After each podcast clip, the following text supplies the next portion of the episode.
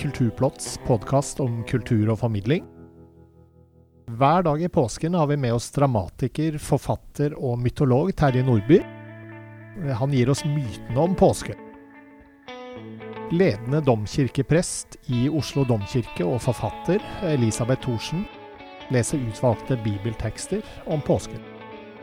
Og domkantor, organist Kåre Nordstoga, lydlegger denne høytiden. Det blir jo ikke mer påske enn dette.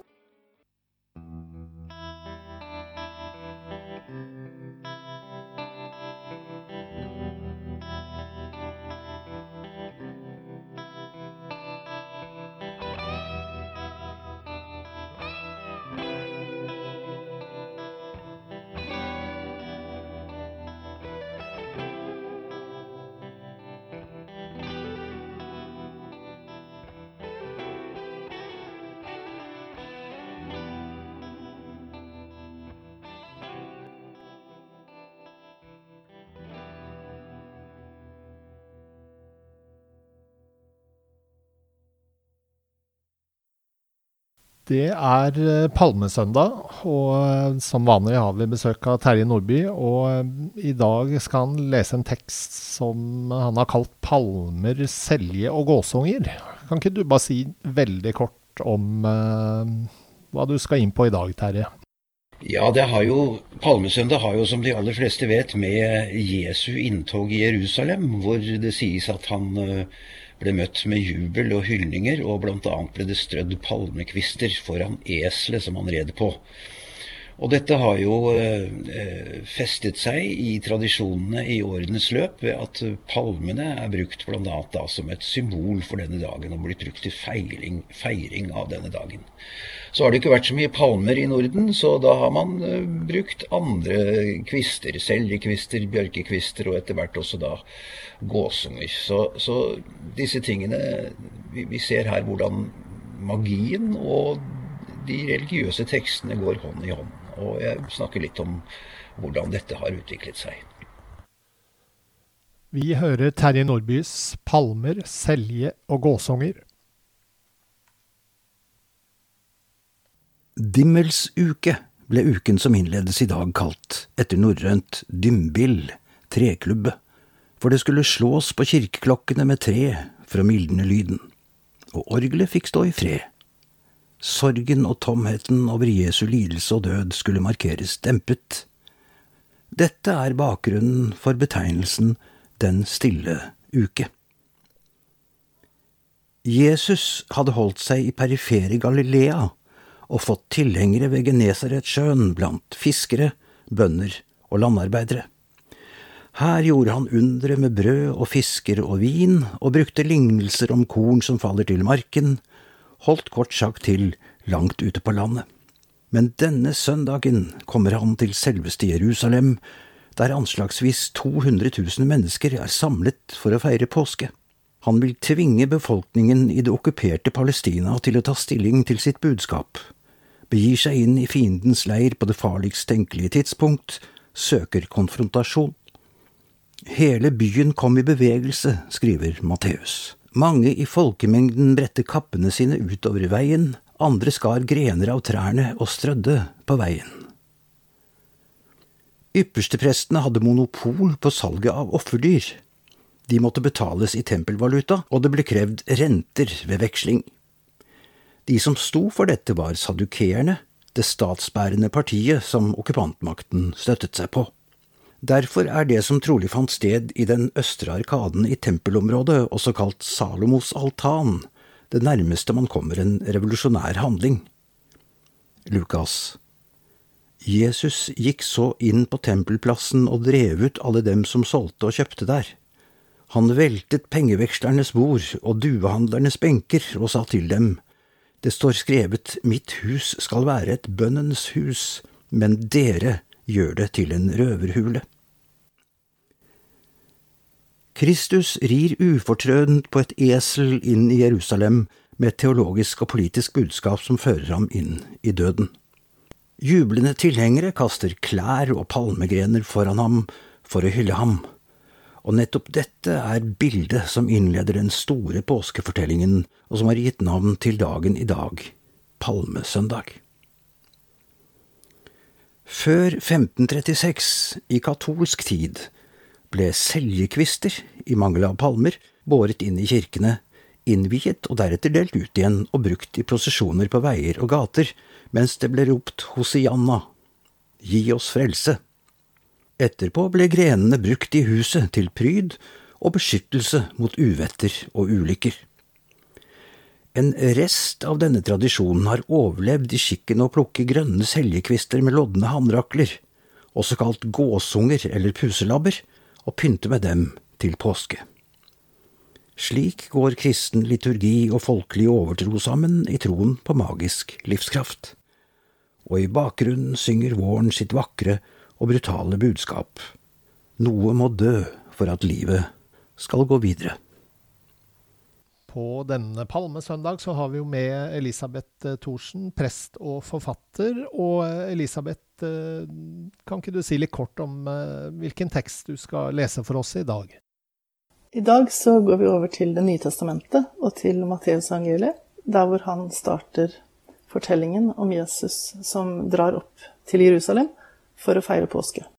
Vi hører Elisabeth Thorsen, og Jesus kommer til Jerusalem for å feire påske. Jesus dro nå opp mot Jerusalem. På veien tok han de tolv disiplene til side og sa til dem, Se, vi går opp til Jerusalem, og menneskesønnen skal overgis til overprestene og de skriftlærde. De skal dømme ham til døden og overgi ham til hedningene og han skal bli hånt og pisket og korsfestet. Og den tredje dagen skal han reises opp. Da kom Sebedeus-sønnenes mor til ham sammen med begge sønnene, kastet seg ned for ham og ville be ham om noe. Hva er det du ønsker? spurte han. Hun svarte, Si at disse to sønnene mine skal få sitte ved siden av deg i ditt rike den ene på høyre og den andre på venstre side. Men Jesus svarte, Dere vet ikke hva dere ber om. Kan dere drikke det begeret jeg skal drikke? Det kan vi, svarte de. Han sa, Mitt beger skal dere drikke, men hvem som skal sitte ved min høyre eller venstre side, er det ikke min sak å avgjøre. Der skal de sitte som min far har gjort i stand for. Da de ti andre hørte dette, ble de sinte på de to brødrene. Men Jesus kalte dem til seg og sa, Dere vet at folkenes fyrster undertrykker dem, og stormennene deres styrer med hard hånd. Men slik skal det ikke være blant dere. Den som vil bli stor blant dere, skal være tjeneren deres. Og den som vil være først blant dere, skal være slaven deres. Slik er heller ikke menneskesønnen kommet for å la seg tjene, men for selv å tjene og gi sitt liv som løsepenge for mange. Da de dro ut av Jeriko, fulgte mye folk med ham. Ved veien satt to blinde, og da de fikk høre at Jesus gikk forbi, ropte de, Ha barmhjertighet med oss, Herre, du Davids sønn. Folk snakket strengt til dem og ba dem tie stille. Men de ropte bare enda høyere. Ha barmhjertighet med oss, Herre, du Davids sønn. Da stanset Jesus, ba dem komme og spurte dem, Hva vil dere jeg skal gjøre for dere? De svarte, Herre, la øynene våre bli åpnet. Jesus fikk inderlig medfølelse med dem, og han rørte ved øynene deres. Straks kunne de se, og de fulgte ham. Da Jesus og disiplene nærmet seg Jerusalem og kom til Betfage ved Oljebjerget, sendte han to av dem av sted og sa til dem, Gå inn i landsbyen som ligger foran dere. Der skal dere straks finne et esel som står bundet og har en fole hos seg. Løs dem og lei dem hit til meg. Om noen kommer med spørsmål, skal dere svare, Herren har bruk for dem da skal han straks sende dem med dere. Dette skjedde for at det ordet skulle oppfylles som er talt gjennom profeten. Si til datter Sion, se, din konge kommer til deg. Ydmyk er han og rir på et esel og på trekkdyrets fole. Disiplene gikk av sted og gjorde som Jesus hadde sagt, og hentet eselet og folen. Så la de kappene sine på dem, og han satte seg opp. Mange i folkemengden bredte kappene sine ut over veien. Andre skar greiner av trærne og strødde på veien. Og mengden som gikk foran, og de som fulgte etter, ropte, Hosianna, Davids sønn. Velsignet er han som kommer i Herrens navn. Hosianna i det høyeste. Da han dro inn i Jerusalem, ble det uro i hele byen, og de spurte, Hvem er dette? Og mengden svarte, Det er profeten Jesus fra Nasaret i Galilea. Så gikk Jesus inn på tempelplassen og jaget ut alle dem som solgte og kjøpte der. Han veltet pengevekslernes bord og duehandlernes benker og sa til dem, Det står skrevet, Mitt hus skal kalles et bønnens hus, men dere gjør det til en røverhule. På tempelplassen kom noen blinde og lamme til ham, og han helbredet dem. Men da overprestene og de skriftlærde så undrene han gjorde, og hørte barna som ropte i helligdommen, Hosianna, Davids sønn, ble de forarget og spurte ham, Hører du hva de sier? Ja, svarte Jesus. Har dere aldri lest, fra småbarns og spedbarns munn har du latt lovsang lyde? Så forlot han dem og gikk ut av byen, til Betania. Der ble han natten over. Vi har med oss Kåre Nordstoga denne påsken. Han er ledende kantor i eh, Oslo domkirke. Hvilket stykke er det du har valgt i dag, eh, Kåre? Ja, i dagens eh, tekst så har jeg tatt fram eh, litt mer Bach, eh, originalmusikk for orgel en triosonate. En, en førstesats fra nummer fire i e-moll. Det er ikke musikk som er veldig ofte spilles. Det er krevende nok å spille. Eh, men de har i en rikdom i seg som er, eh, som er kompleks på mange måter, og som, som kler denne teksten veldig godt. Da, for det er, jo, det er jo tekster som, og stoff som er ja, mildt sagt ikke endimensjonalt, men som har mange dimensjoner i seg, og som peker i mange retninger.